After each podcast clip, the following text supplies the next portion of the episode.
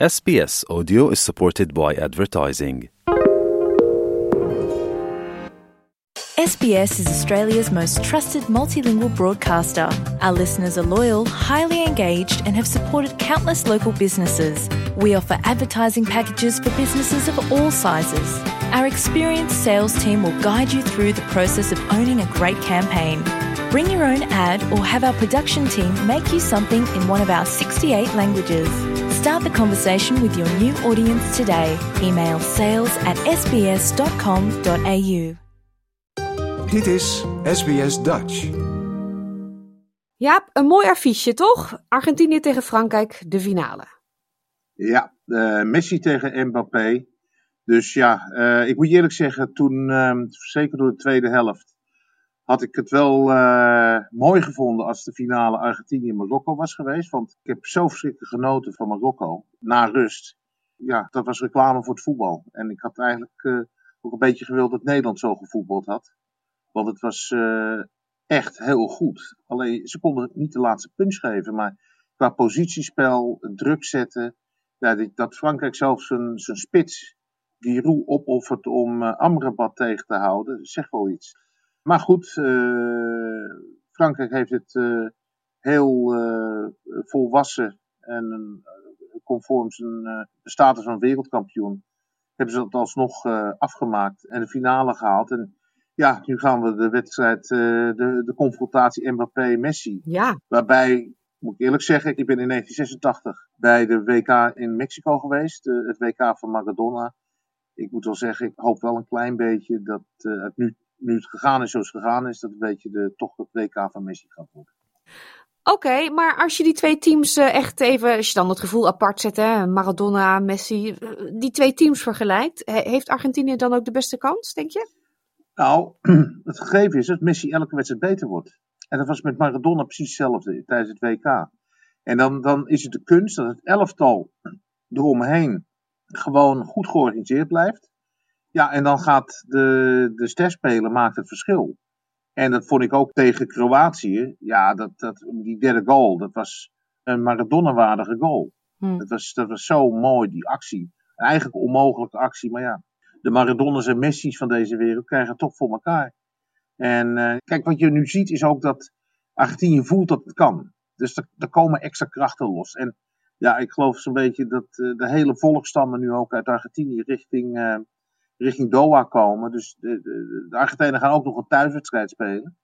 En eh, ja, ik, ik, ze zijn voor mij toch wel, eh, wel favoriet hoor. Maar we moeten natuurlijk niet vergeten dat Frankrijk voelt dat ze gewoon voor de tweede keer op rij kampioen kunnen worden. Dus dat zal hen ook wat extra's geven.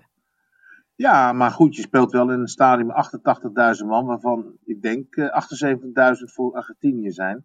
dus je hebt echt te maken met een twaalfde man. Ik heb zelf in dat eh Lusail eh, stadion gezeten. Ja, dat is wel, eh, dan, dan voel je wel wie er voor of tegen is. Ja. Zeker als het 78.000 zijn. Dus dat, dat is echt dat, dat, dat is een, een duwtje, een steuntje in de rug voor de Argentinië. En eh, ja, wat ik al zeg, het is, het, je voelt een beetje dat eh, de goden eh, toch een beetje Messi gunstig gezind zijn. Weet je? En dan kunnen we inderdaad allerlei tactische en technische dingen erop loslaten. Maar soms gebeuren dingen gewoon zo omdat het zo moet. En ik heb een beetje het gevoel dat eh, gaandeweg dit steeds meer het WK van Messi geworden is. Dus ik zou het zelf heel mooi vinden hoor. Dat 86 kleeft aan, eh, aan Maradona, 1970 kleeft aan Pele. 74, ondanks dat Nederland eh, de finale verloor, kleeft aan Johan Cruijff.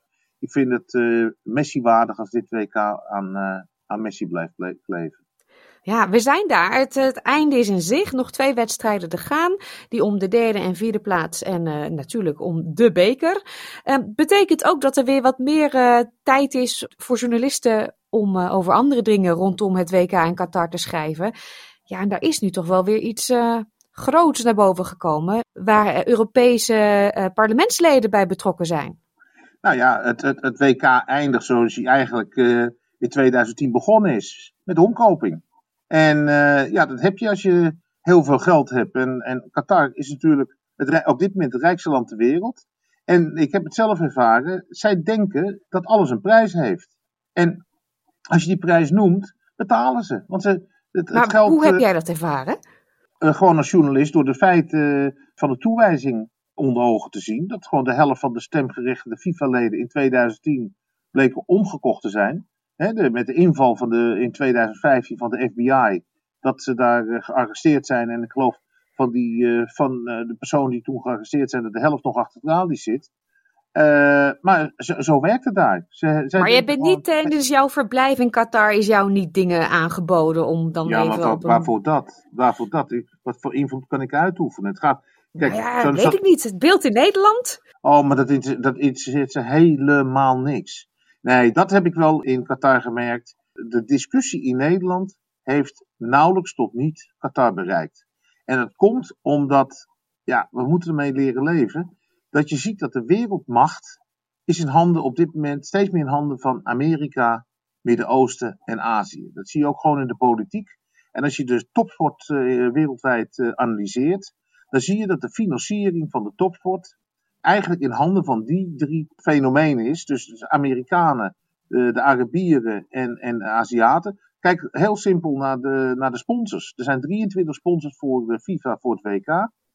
Adidas is de enige Europese sponsor. De overige 22, daar komen er uh, vijf uit Qatar, 7 uit Azië en 10 uit Amerika. En die zijn goed voor, ik geloof, 1,3 miljard omzet voor een WK. Nou, wie betaalt, bepaalt. En je ziet het ook in het Europese topvoetbal. Of je naar Manchester United, of je pakt Bayern München, of je pakt Paris Saint-Germain, Chelsea, noem ze allemaal maar op. Overal zitten er Amerikaanse, Aziatische of eigenaren uit het Midden-Oosten. Ja. Dus je ziet dat die trend uh, trekt door. En als Nederland en België en in minder mate Duitsland en Denemarken gaan uh, hun vinger opsteken. Uh, die hele discussie over de One Love Band. Er waren 32 deelnemers. 7 waren voor die actie en 25 niet. En als je het op, op global schaal gaat bekijken, dan zijn er 211 leden, leden van de FIFA. En er waren dus 10 voor die actie en 201 niet. Nou ja, dan hoef ik jou niet uit te leggen wat er dan werkelijk gebeurt. Dan, dan, dan worden de schouders opgehaald, want het is een grote minderheid. Kijk, het, het is ook vreselijk slecht getimed. Nederland is, heeft uitgeblonken in eerste plaats in statements in plaats van acties. En in de tweede plaats door vreselijk slechte timing. Uh, in 2010 werd er toegewezen aan Qatar WK. Het kwam binnen twee weken, uh, ging het al uh, gezoem rond dat het omgekocht was. In 2015 lag het keiharde bewijs dat, de steekpenningen waren betaald. Nou, dan had je op dat moment had je, het, uh, had je de stekker uit moeten trekken. En had je gewoon een nummer 2 Amerika of nummer 3 Australië moeten geven.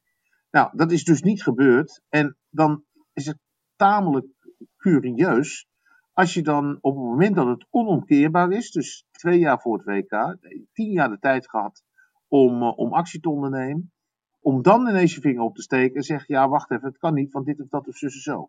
Nou, dan komt er bij mij altijd iets op van, er, er zit een dubbele agenda. Nou, meestal klopt het ook wel. Kijk, ja. de Duitsers konden in 2010 niks roepen, want die hadden net een, uh, was net uitgelekt dat zij in 2006 ook uh, met geld hadden lopen sjoemelen om het, hun WK in 2006 binnen te halen. Vervolgens uh, kreeg Duitsland in, tussen 2015 en 2020, waar ze uh, in de race om het EK in 2024 binnen te halen, wat uiteindelijk ook gelukt is. En toen dat gelukt was, ging Duitsland ineens zich ook roeren. Nou, Nederland had uh, daarvoor natuurlijk Michael van Praag als kandidaat voor het FIFA-presidentschap. En volgt altijd ook wel leidzaam Duitsland. En als je dan gewoon al ziet, met, met de KVB zat natuurlijk heel überhaupt al in de spagaat. Want de hoofdsponsor ING, die ging zich uh, distancieren van het WK. En zei, we geen, nemen geen relaties mee. Maar ja, dat was wel nadat ze voor miljarden dollars de Qatar National Bank aan leningen hadden voorzien, waarmee het WK gefinancierd werd. Dus ja. eerst de buit binnen en vervolgens ineens roepen van uh, en Roomse zijn dan de paus. Ja, ja, en is natuurlijk uh, ook uitgelekt dat, dat 40 Nederlandse bedrijven, en niet de minste, direct en indirect betrokken zijn bij de stadionbouw. Net zo goed als 20 Nederlandse pensioenfondsen belegd hebben in staatsobligaties Qatar. Dus er nou, wordt ook de... volop in Nederland geprofiteerd van dit WK. Ja, en als je de skyline van, van Doha ziet. Prachtige gebouwen, echt Het is net of, of Chicago, New York en Los Angeles naast elkaar gebouwd zijn. Hmm. Maar heel veel van die gebouwen zijn neergezet door Nederlandse architecten. Hmm. Ik heb eh, de National Library eh, Qatar gezien. 42.000 vierkante meter. Daar je echt prachtig. Ja, wel, ge- wel neergezet door Rem Koolhaas. Ja, en zo kan ik nog wel even doorgaan. Hmm. Dus ja, weet je, en, en daar, eh, zo wordt ook een beetje tegen Nederland aangekeken door de Qatari. Van, ja, ze, ze, ze gaan ons nu de maat nemen, maar ze hebben eerst hun zakken gevuld. Ja. eh, en dan, komt dan komt de boodschap toch iets minder eh, duidelijk aan, hoor. Kan ik je mededelen. Hmm. Je zei al, het WK begon met omkopingsschandalen en eh, daar eindigt het nu ook mee. En dat was natuurlijk eerder deze week bekend geworden. Ehm, er zijn wat Europese parlementsleden uit Italië die zich hebben laten omkopen. Ja, en niet te vergeten de vicevoorzitter van vicevoorzitter uit Griekenland. Het parlement, ja. Eh, ja, die weliswaar een relatie heeft met een van de Italiaanse parlementsleden. Dus die zat in dezelfde slipstream. Maar ja, kijk, in Qatar is het zo, wat ik al aangaf, dat land is zo ongelooflijk rijk. Dat ze gewoon informeren wat het kost. Bij alles. En het was natuurlijk, eh, heeft de WK een prijs? Ja, als je die en die een envelopje geeft, komt het goed. Nou, zo is het gegaan. En dus hetzelfde met politiek. Met, eh, ze gaan gewoon op parlementsleden af en zeggen: Oké, we willen iets voor elkaar krijgen. Wat wil je ervoor hebben eh, om, om het uit te voeren? Nou, dan heb je het recht om ja of nee te zeggen. En zij hebben het recht om het aan te bieden. Maar hetzelfde is natuurlijk met uh, hier ook gebeurd tijdens het WK. Ja, uh, kritiek uit Nederland. Nou, dan nodigen we 50 supporters uit. Die betalen we de hele reis.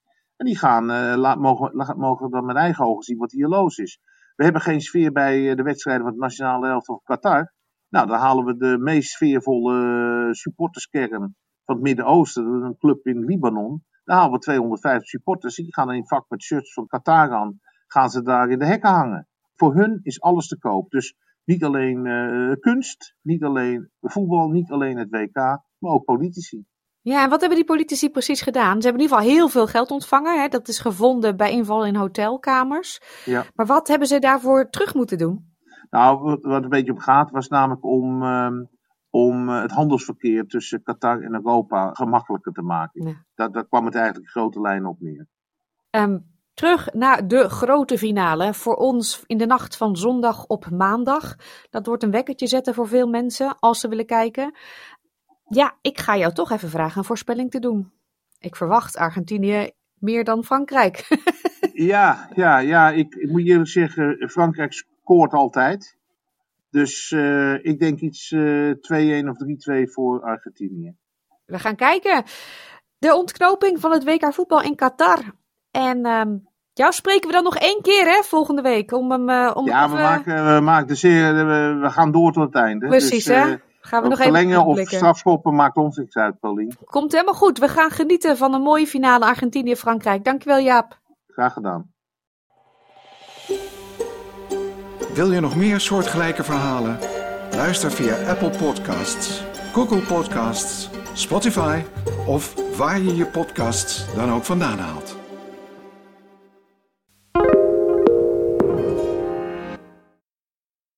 SBS is Australia's most trusted multilingual broadcaster.